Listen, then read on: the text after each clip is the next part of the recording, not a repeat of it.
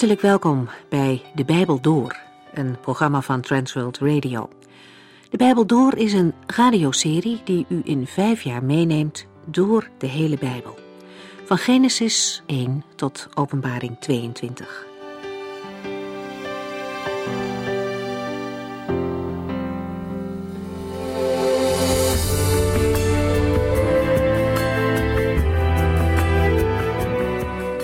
Pakken vandaag het verhaal van Jozef weer op. We zijn toe aan Genesis 39, waar Jozef als slaaf in het huis van Potifar komt.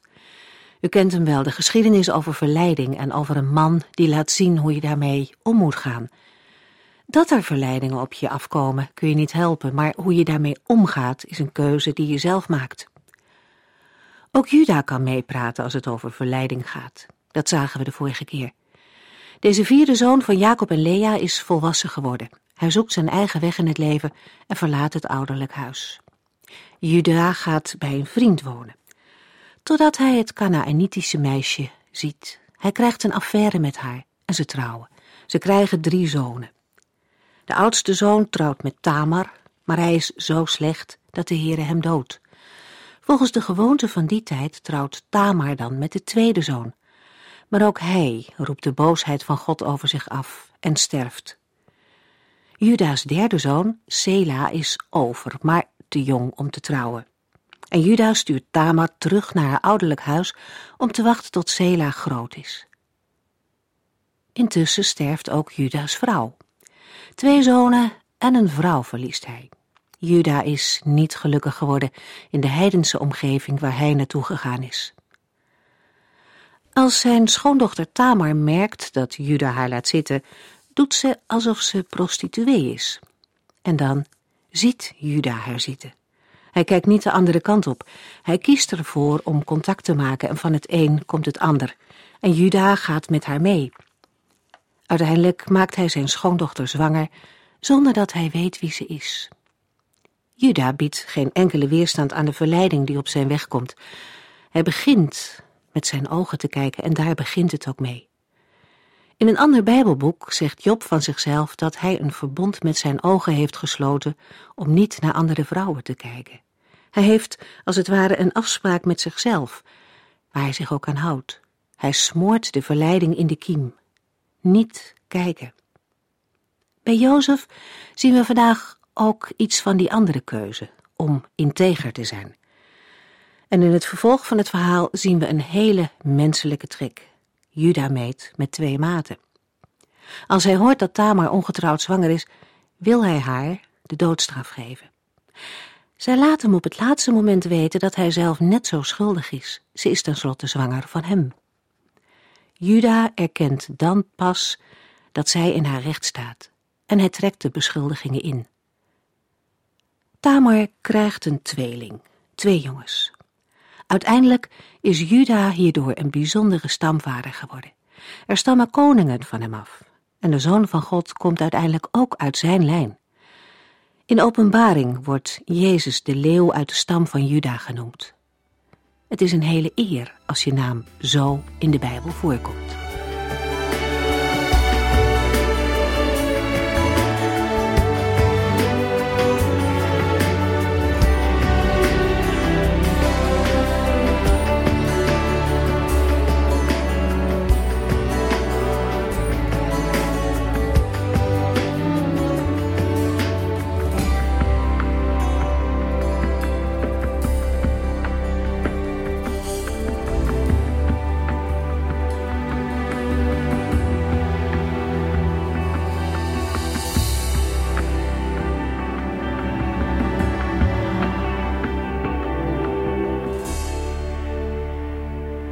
Het intermezzo over Juda en Tamar in Genesis 38 gaan we in deze uitzending de draad weer oppakken van de geschiedenis over Jozef. Jozef is door zijn broers verkocht aan reizende kooplieden en door hen naar Egypte gebracht. In Egypte is hij verkocht aan de commandant van Farao's lijfwacht, Potifar. Om in een vreemd land als slaaf verkocht te zijn, moet voor een jongen van 17 jaar een triest vooruitzicht zijn geweest. Op het eerste gezicht was er helemaal niets dat hem zou kunnen opbeuren. Alles lijkt Jozef tegen te zitten. Als er op een gegeven moment weer wat beter voor hem uit gaat zien, gebeurt er weer wat waardoor alles weer anders wordt. Zeker, het gebeurde allemaal met een bijzondere bedoeling, maar dat is voor Jozef niet altijd duidelijk geweest. Er is geen persoon in het Oude Testament in wiens leven het plan van God zo duidelijk zichtbaar wordt als in Jozef. De leiding en besturing van God, Gods voorzienigheid, is duidelijk in elk detail van zijn leven aan te wijzen. Ondanks zijn situatie en alle moeilijkheden is de Heere met Jozef. Zoals de Heere God ook beloofd had met Isaac en Jacob te zijn. De hand van God is op hem en de leiding van de Heere is duidelijk. Toch is Jozef de enige aartsvader aan wie de Heere God niet rechtstreeks is verschenen. God verscheen aan Abraham, Isaac en Jacob, maar niet aan Jozef. Maar de leiding van God is in het leven van Jozef duidelijker te zien dan bij wie dan ook. Jozef is het oud-testamentische voorbeeld van Romeinen 8, vers 28.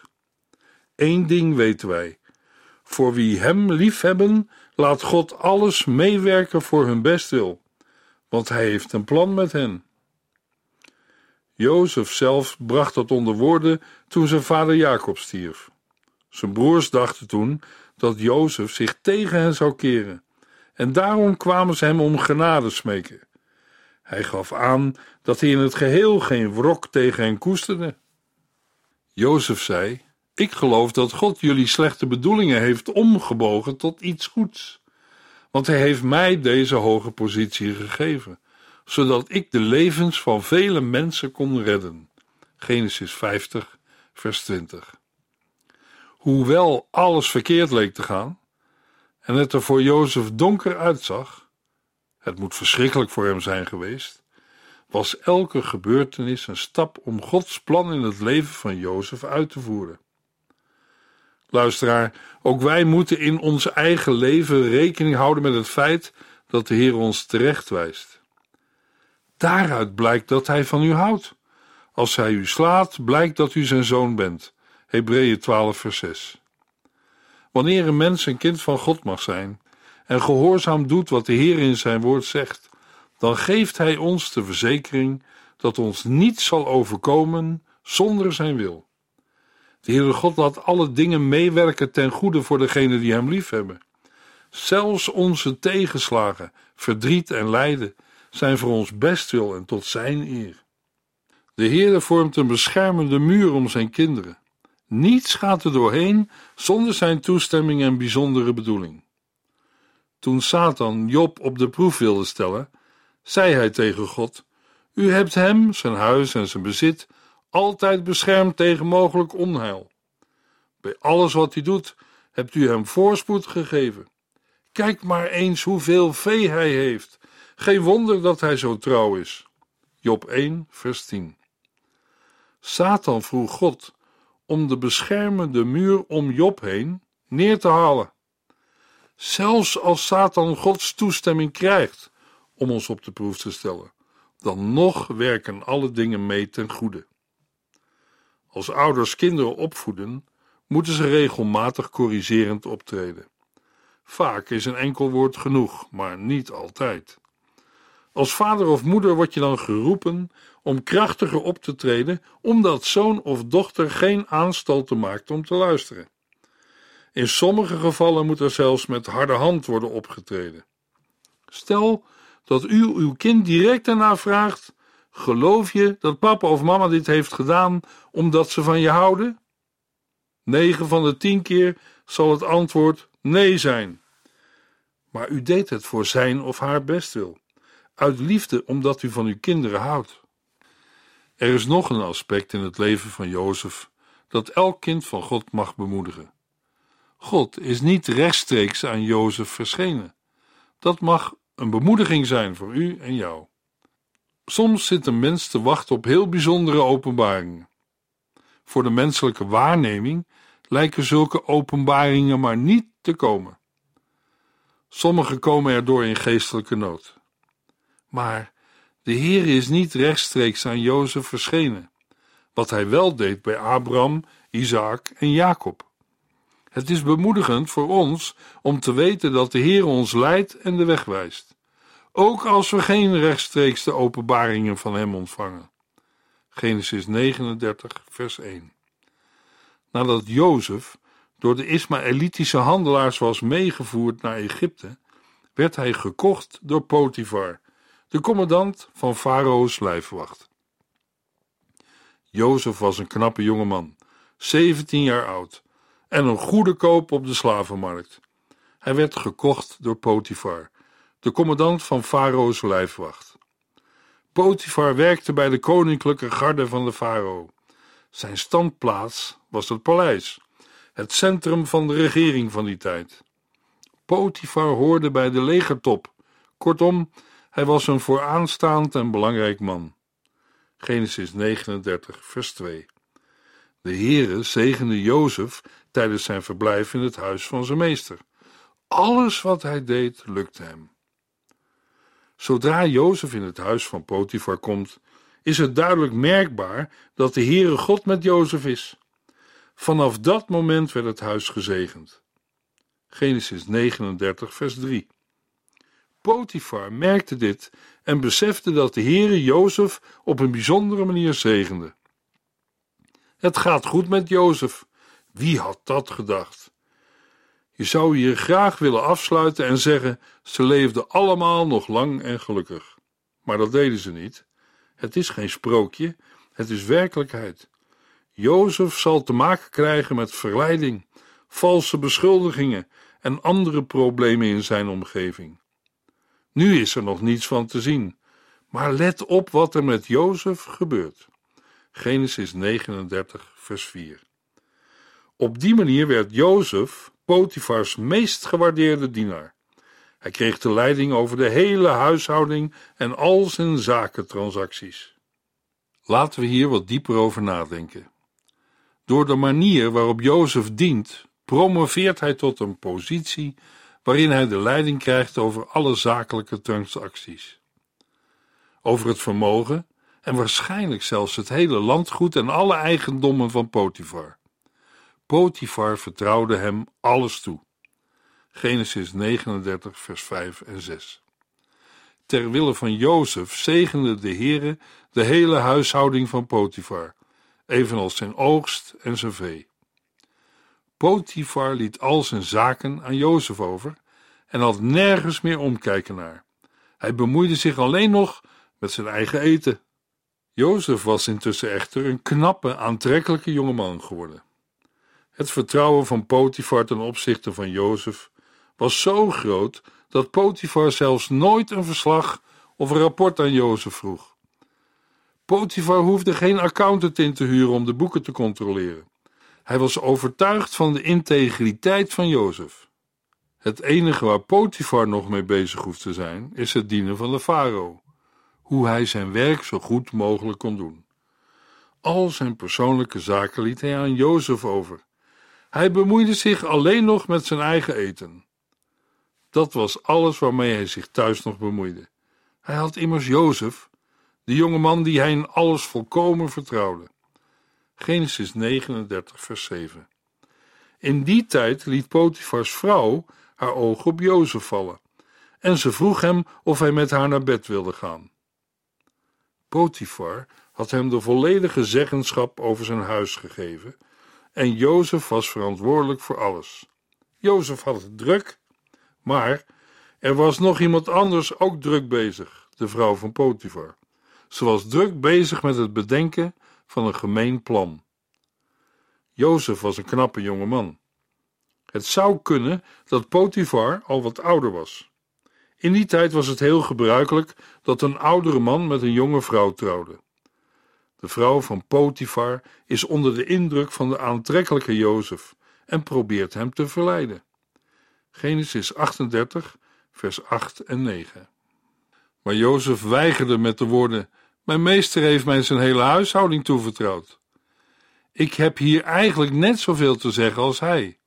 Hij heeft mij niets geweigerd, uitgezonderd u, omdat u zijn vrouw bent.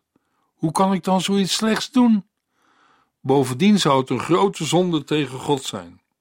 Valt het u op dat Jozef in deze situatie en levensomstandigheden de Heere dient? Toen Jozef in Egypte kwam, was het een land vol overspel, net zo erg als in Babylon. En op die plaats waar overspel zo gewoon is, legt Jozef getuigenis af van zijn geloof in de levende en enig God. Hij zegt tegen de vrouw van Potifar: Bovendien zou het een grote zonde tegen God zijn. Daarvoor laat Jozef een hoge moraal zien. Toen de vrouw hem verleidde, antwoordde hij: Mijn meester heeft mij over alles gesteld behalve u. U bent zijn vrouw. Wat een geweldig principe geeft Jozef hier door over het huwelijk. Jozef probeert trouw te blijven aan God. Hij weigert op de herhaalde verzoeken van de vrouw van Potifar in te gaan. Jozef geeft hiervan uitvoerig verantwoording. Hij herhaalt naar haar de verantwoordelijkheid die hij van haar man Potifar heeft gekregen. Jozef geeft drie redenen waarom hij niet aan haar verzoek kan voldoen. Het is misbruik maken van het grote vertrouwen dat Potifar in hem heeft. Het zou ook een strafbaar feit zijn tegen Potifar. Seksueel verkeer met de vrouw van een ander was een groot kwaad waarop de doodstraf stond. Ten slotte het derde punt: het is zonde tegen God. Jozef wil gehoorzaam zijn aan de Heer God, maar let op wat daarvan de gevolgen zijn in de situatie van Jozef. Genesis 39, vers 10. Maar ze bleef aandringen, elke dag weer, ook al luisterde hij niet en ontliep hij haar zoveel mogelijk. Het hielp niet. Potifar, een officier van Farao, was vaak van huis. Misschien was hij wel te vaak van huis. Zijn vrouw probeerde Jozef niet maar één keer te verleiden, maar steeds opnieuw. Het hield niet op. Toch bezweek Jozef niet. En dan? Dan komt de omslag. Er begint boosheid tegen Jozef op te borrelen. Als het niet goed schiks wil, dan maar kwaadschiks. De vrouw van Potifar doet nog een laatste poging. Genesis 39, vers 11 tot en met 14. Op een dag was hij binnenshuis aan het werk. Er was niemand in de buurt. Toen ze weer bij hem kwam, ze greep hem bij de mouw en eiste: Ga met me naar bed. Hij rukte zich los, maar daarbij gleed zijn mantel af. Hij rende het huis uit en zij bleef achter met zijn mantel in haar handen. Toen begon ze te gillen. Tegen de mannen die op haar gegil afkwamen, schreeuwde ze: Mijn man heeft die Hebreeuwse slaaf gekocht om ons te beledigen. Uit wat de vrouw van Potifar zegt tegen de mannen die op haar gegil afkomen, blijkt dat het niet zo goed ging tussen Potifar en haar. Ze spreekt op een gemene en neerbuigende toon over hem. Mijn man heeft die Hebreeuwse slaaf gekocht om ons te beledigen. Met deze woorden appelleert ze ook op de vreemdelingenhaat onder de Egyptische slaven. Met het woordje ons identificeert ze zich met het huispersoneel. Maar ze gaat nog verder en zegt dat de Hebreeër hen beledigt. In de grondtekst staat om ons te bespotten. Dat is dubbelzinnig taalgebruik en kan naast onderhouden, plezier maken, ook seksuele intimidatie en beledigend gedrag aangeven. Misschien hebben de huisknechten het niet gemerkt, maar, zegt de vrouw van Potifar, hij kwam naar me toe om met mij te slapen. Ze draait de feiten om en voegt er een keiharde leugen aan toe. Genesis 39, vers 15 en 16. Hij probeerde mij te verkrachten, maar toen ik begon te schreeuwen, sloeg hij op de vlucht. Kijk maar, hij heeft zijn mantel in de haast vergeten. Ze hield de mantel bij zich en toen haar man die avond thuis kwam, vertelde zij hem haar verhaal. Voor Jozef is dit een verschrikkelijke situatie. Een jonge man helemaal alleen in een vreemd land, Egypte. En hij wordt er op een afschuwelijke manier ingeluist. De vrouw van Potifar beschuldigt Jozef. Hij probeerde mij te verkrachten. Kijk maar, hij heeft zijn mantel in de haast vergeten. Haar echtgenoot was niet thuis. Ze heeft het hele verhaal zo gedraaid en bij elkaar verzonnen dat Jozef de schuldig is. Hij heeft immers zijn mantel bij haar laten liggen. En daarmee suggereert ze dat Jozef de mantel op eigen initiatief heeft uitgetrokken. Genesis 39, vers 17 tot en met 19. Die Hebreeuwse slaaf die hier heb rondlopen, probeerde mij te verkrachten. Hij is er vandoor gegaan toen ik schreeuwde, maar hij heeft zijn mantel achtergelaten. Haar man was woest toen hij het verhaal hoorde. Oppervlakkig gezien lijkt het alsof Potifar haar verhaal gelooft. Hij werd in elk geval kwaad toen hij het hoorde. Toch komt het opvallend genoeg niet tot het verwachte proces met een openbare executie. Heeft Potifar zichzelf en zijn vrouw de schande van een openbaar getuigenis willen besparen? Of was het Jozefs verklaring die Potifar heeft overtuigd dat zijn vrouw waarschijnlijk niet de waarheid sprak? Ik heb het gevoel dat hij wel wist hoe zijn vrouw was. Zijn oplossing was: Jozef moet naar de gevangenis, waarschijnlijk in afwachting van een vonnis. Egypte is een van de weinige landen in het Midden-Oosten waarvan wij weten dat er gevangenissen waren. Genesis 39, vers 20. Hij gooide Jozef in de gevangenis, waar alle andere gevangenen van de farao ook in de ketens zaten. Het zit Jozef in het leven wel ontzettend tegen, vindt u ook niet? Thuis was hij de lieveling van zijn vader en liep hij in prachtige kleren. Vervolgens gooien zijn broers hem in een put en halen zijn veelkleurige mantel door het bloed om zijn vader te bedriegen. Jozef hoort hen onderhandelen met voorbijtrekkende handelsreizigers. Dan wordt hij door zijn broers verkocht als slaaf naar Egypte. Hij was nog maar 17 jaar oud. Wat zullen er een eenzame nachten zijn geweest? Nachten waarin hij, bij wijze van spreken, zijn kussen nat heeft gehuild. Ongetwijfeld heeft hij ook heimwee gehad. In Egypte lijkt het de goede kant met Jozef op te gaan. Het huis van Potifar wordt zijn nieuwe omgeving. Omdat Jozef goed is in zijn werk en er ook nog goed uitziet, maakt hij promotie. Maar dan probeert Potifars vrouw hem te verleiden en wil met Jozef naar bed. Zijn hoogstaande moraal beschermt hen en Jozef geeft niet toe aan de verleiding die op hem afkomt. Het loopt uit op een valse beschuldiging aan het adres van Jozef. Die Hebreeuwse slaaf probeerde mij te verkrachten. Jozef heeft geen schijn van kans. Daarbij moeten we niet vergeten dat Jozef nog steeds een slaaf was. De vrouw die hem deze streken leverde, was wel de vrouw van zijn meester Potifar.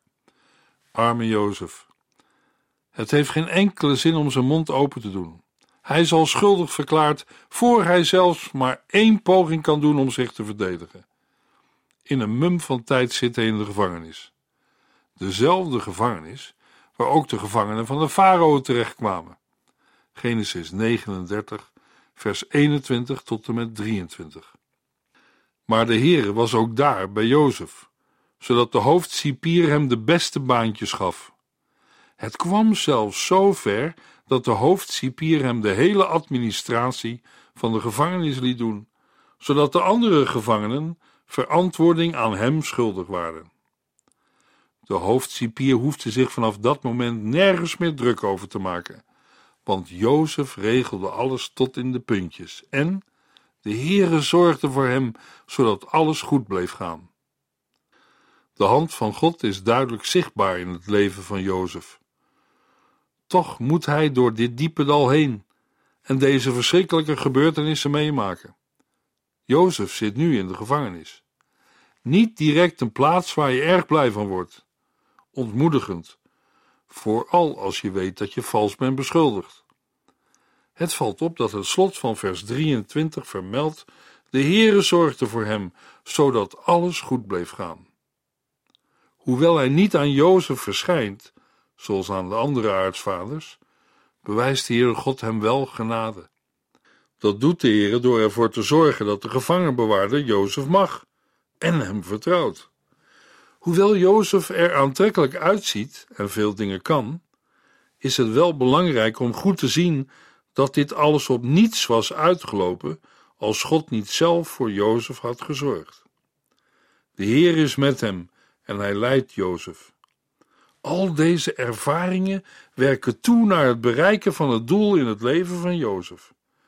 De omstandigheden krijgen Jozef er niet onder, hij staat erboven. Luisteraar, vaak is het bij ons mensen net andersom. Dan staan de omstandigheden boven ons. Ze bepalen alles wat we doen of juist niet doen. Ik denk dat velen van ons dat wel herkennen. Jozef regelde alles tot in de puntjes en de Heere zorgde voor hem, zodat alles goed bleef gaan. Alles bleef goed gaan. Jozef stond boven de omstandigheden. De Heere was met hem. Jozef merkte de hand van God in zijn leven en daarom was hij niet ontmoedigd. Ontmoediging is een van de meest subtiele wapens die Satan gebruikt om kinderen van God onderuit te halen. Ontmoediging en teleurstelling. Het lijkt erop dat Jozef alle omstandigheden heeft overwonnen. Het doet ons denken aan een gedeelte uit Hebreeën waar staat: Niemand vindt het prettig terecht gewezen te worden. Op het moment zelf worden wij er alleen maar verdrietig van. Maar later zien wij dat het toch goed is geweest. De terechtwijzing heeft ons geholpen mensen te worden die goed doen en vrede brengen. Hebreeën 12, vers 11. Het is wel duidelijk dat in het leven van Jozef de terechtwijzing van de Heere de vrucht heeft voortgebracht van goed doen en vrede brengen. Daarnaast laat de geschiedenis van Jozef ook zien dat het niet waar is dat elk mens zijn prijs heeft. Satan zegt van wel, maar er zijn verschillende mensen in de Bijbel geweest die Satan niet heeft kunnen omkopen. Jozef is er één van. En ook bij Job is het niet gelukt. In het Nieuwe Testament lezen we van Paulus en de doorn in zijn vlees, zijn lichaam. De openbaringen die God mij heeft gegeven zijn werkelijk buitengewoon. Maar omdat hij niet wilde dat ik mij daardoor iets zou gaan verbeelden, heeft hij mij pijnlijk laten vernederen door een handlanger van Satan die mij als met vuisten slaat. Dat kun je een doorn in mijn vlees noemen. 2 Korinthe 12 vers 7. Het is bijna noodzakelijk dat Jozef in de gevangenis is. We zullen het zien in het volgende hoofdstuk, Genesis 40.